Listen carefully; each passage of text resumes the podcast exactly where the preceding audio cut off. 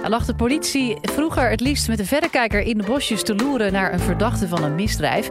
Tegenwoordig zou de politie het liefst de computer van een verdachte hacken. Maar mag dat wel?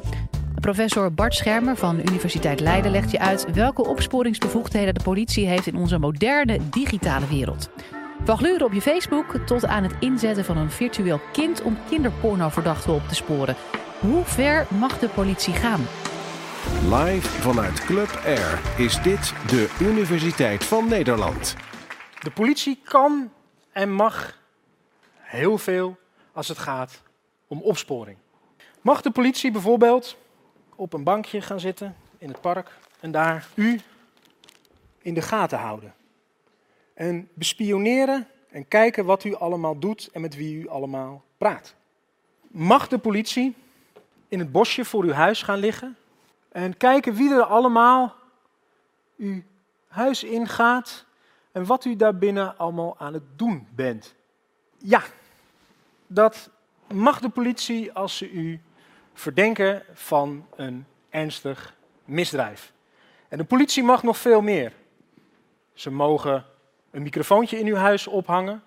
Ze mogen uw telefoon tappen. De politie kan en mag heel veel. Zolang het maar beschreven staat in het wetboek. Dat is belangrijk. Die krant, die verrekijker, dat is wat wij juristen noemen stelselmatige observatie. Dat is in het wetboek als volgt beschreven. In geval van verdenking van een misdrijf kan de officier van justitie in belang van het onderzoek bevelen dat een opsporingsambtenaar stelselmatig een persoon volgt of stelselmatig dienstaanwezigheid of gedrag waarneemt. Politie mag dus uw gedrag waarnemen. De politie mag dat alleen omdat het in het wetboek staat. En dat is omdat wij willen dat de politie niet zomaar arbitrair de macht die ze heeft kan misbruiken. Wij kennen in Nederland wat we noemen het strafvordelijk legaliteitsbeginsel. En dat zegt, opsporing mag alleen plaatsvinden bij de wet voorzien. Strafvordering mag alleen plaatsvinden bij de wet voorzien. En dat hebben we omdat wij niet willen dat de politie zomaar alles kan en mag. Opsporing is belangrijk, maar ook onze grondrechten zijn belangrijk. Het recht op privacy, recht op een eerlijk proces. De politie mag niet zomaar een grote inbreuk maken op onze grondrechten. En ook belangrijk waarom het opgeschreven moet zijn in het wetboek, is omdat dan de, de regels voor iedereen helder en duidelijk zijn. Zowel voor de politie als voor de burgers. En wat er mis kan gaan als je het niet opschrijft in het wetboek, um, dat hebben we een aantal jaren geleden uitgevonden. Um, eind jaren 80, eind jaren 90 werd criminaliteit steeds professioneler en meer internationaal. De Nederlandse politie, tot dat toe georganiseerd eh, in regio's en in dorpjes, de gemeentepolitie. De politie zag zich geconfronteerd met criminele netwerken die over allerlei landen heen opereerden en drugs invoerden, doorvoerden. En de politie moest daar wat tegen doen. Dus richtte de politie zogenaamde interregionale rechercheteams op. En die interregionale rechercheteams waren belast met het opsporen van die drugscriminelen. En daar gebruikten ze allerlei onconventionele middelen voor die tot dan toe niet beschreven waren in ons wetboek. De politie ging telefoons tappen. De politie ging pijlbakens onder auto's plaatsen, zodat ze die auto's konden volgen. De politie ging infiltreren in die netwerken en ging zelfs undercover om daar mee te doen aan de criminele activiteiten. De Nederlandse politie ging op een gegeven moment zelfs drugs verkopen en doorvoeren. Allemaal vanuit het idee dat je zo het netwerk in kaart kon brengen. Maar terwijl ze dat deden, werd er natuurlijk op grote schaal inbreuk gemaakt op allerlei grondrechten. Privacy, eerlijk proces. En op een gegeven moment was de opsporing, de politie ook eigenlijk niet zo heel erg goed meer te onderscheiden van de drugsdealers. Dat leidde uiteindelijk tot een groot schandaal. En dat schandaal is bekend geworden als de IRT-affaire, Interregionaal Recherche Team. En Er is een parlementaire enquêtecommissie in het leven geroepen, de commissie van Tra. En die heeft uiteindelijk een nieuwe wet gemaakt. Dat is de wet bijzondere opsporingsbevoegdheden. En dat is de wet waar ik net uit voorlas. Maar met internet gebeuren er weer allemaal nieuwe dingen. Nieuwe sporen, nieuwe vormen van criminaliteit, hacking, cyberjihadisten, noem het maar op. En allerlei nieuwe methoden ook dus voor de politie om op te sporen. Dus ze zien zich nu eigenlijk in een soortzelfde situatie als eind jaren 80, begin jaren 90. En weer komt dan de vraag, wat kan de politie en wat mag de politie?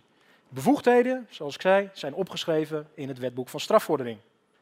Maar die zijn allemaal gemaakt voor de fysieke wereld. Gelden ze dan ook online? Dat is heel erg onduidelijk. Ik ga met jullie een aantal zaken doornemen en ik ga jullie voor rechter laten spelen. Jullie mogen zeggen of dit wel of niet mag wat de politie doet. En we beginnen bij het opsporen van vrij simpele criminelen, namelijk criminelen op Facebook. Eerste voorbeeld. Deze jongen steelt benzine uit een politieauto. Geeft ze ook nog de middelvinger en heeft die foto zelf op zijn Facebook gezet. Nou, dat was natuurlijk niet zo handig, want de politie keek op Facebook, zag wie het was en arresteerde de jongen. Deze was ook niet zo heel erg handig.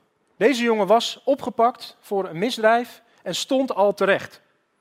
Alleen het bewijs was nog niet helemaal rond. En toen heeft hij op zijn Facebook gezegd: I think I get away with it. Ik denk dat ik er wel mee wegkom. Nou, de politie zag dat, dat is ingebracht als bewijs. En daarop is hij uiteraard uiteindelijk veroordeeld. Wie van jullie zegt dat de politie op Facebook mag zoeken naar criminelen? De meeste van u vinden dat wel oké. Het staat niet met zoveel woorden in het wetboek van strafvordering of ze dat mogen. Dus dan gaan wij als juristen kijken van nou past dit binnen de bestaande bevoegdheden en waar lijkt het dan op? Ehm, en is er überhaupt een bevoegdheid voor nodig? In dit geval kun je zeggen, nou, kijken op Facebook is niet een grote inbreuk op grondrechten en daarom is er geen speciale bevoegdheid voor nodig. Dit kan onder de algemene politietaak worden opgelost. Wie vindt dat de politie ook mag kijken op jullie gesloten profielen? Voelt anders, hè? Andere vorm van privacy. Dit is niet meer het publieke internet. Dit is jouw eigen Facebook-account. Dit voelt meer als infiltreren, als undercover. De politie die onder valse voorwenselen misschien vrienden met je wordt. Dit is op dit moment niet geregeld in ons wetboek van strafvordering. En ongetwijfeld gebeurt het. Goed, we gaan naar een wat geavanceerdere vorm van opsporing voor criminelen die zich beter weten te verstoppen of zwaardere criminelen. Wie van jullie vindt dat de politie jullie computers mogen hacken als ze jullie verdenken van een ernstig misdrijf? Op dit moment mag de politie zeer hoogstwaarschijnlijk niet inbreken in onze computers. De politie heeft niet de mogelijkheid om een soort van digitale huiszoeking te doen. Maar het klinkt eigenlijk wel logisch ergens dat de politie in deze moderne tijd ook moet kunnen binnentreden in je computer.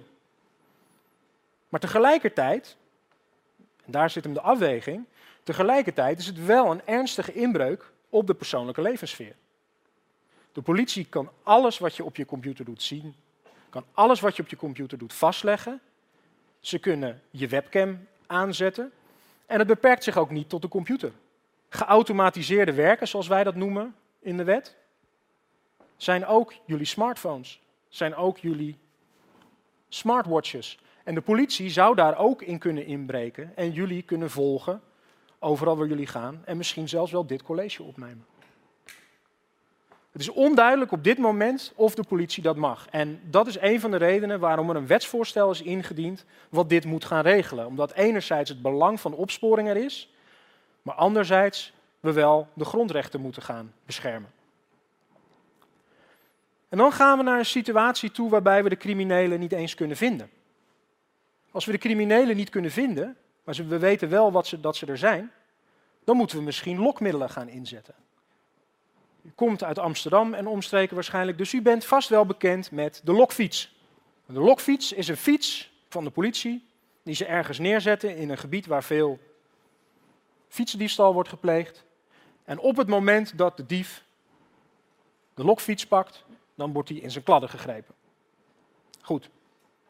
Op die, op die manier kun je een crimineel lokken. Een stapje verder is wat we de pseudokoop noemen.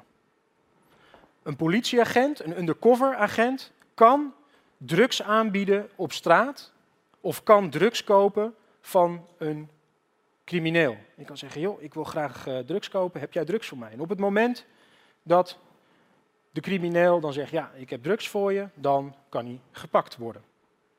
Dus dit is een undercover bevoegdheid die in ons huidige wetboek staat.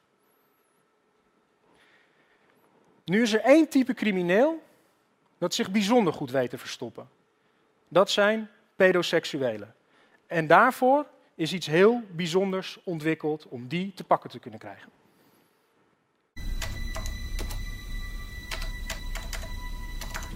My name is Sweetie. I'm 10 years old. I live in the Philippines. Every day I have to sit in front of the webcam and talk to men, just like tens of thousands of other kids. The men ask me to take off my clothes. They undress. They play with themselves. They want me play with myself. As soon as I go online, they come to me. Ten, hundred, every hour. So many. But what they don't know, I'm not real. I'm a computer model made piece by piece to track down these men who do this. is heftig, hè? Sweetie is een lokkind. Sweetie is ontwikkeld door Terdes Hom, speciaal met het doel om deze criminelen te pakken te kunnen krijgen. Bijna iedereen van u vindt dat de politie Sweetie moet kunnen inzetten. En ik ben het daar persoonlijk ook mee eens. Maar tegelijkertijd moet je als jurist ook de vraag blijven stellen: wat betekent dit voor de opsporing? Wat betekent dit voor grondrechten? Mag Sweetie op dit moment worden toegepast door de politie? En dat is een hele moeilijke vraag. Want oneerbiedig gezegd, Sweetie is een soort kruising tussen een lokkind en een undercover agent.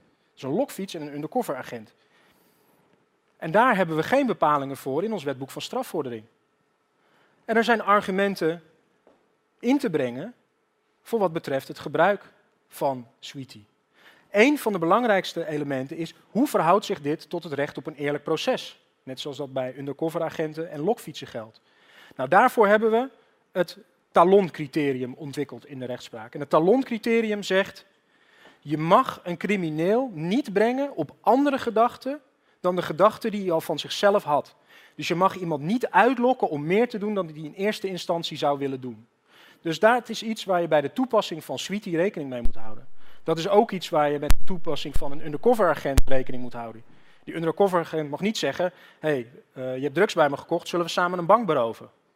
Dat is strafbare uitlokking. Dus er zijn argumenten voor en argumenten tegen bij al deze vormen van opsporing. En daarom is het ook zo belangrijk dat dit soort zaken goed geregeld zijn in de wet, zodat we na een democratisch proces alle waarborgen hebben genomen en dat allemaal in het wetboek hebben opgeschreven. Dus of de politie mag hacken, of we Sweetie mogen inzetten en of we op gesloten Facebook-profielen mogen kijken als politie. Dat zijn allemaal vragen die nog openstaan en die momenteel nog uitgezocht mogen worden.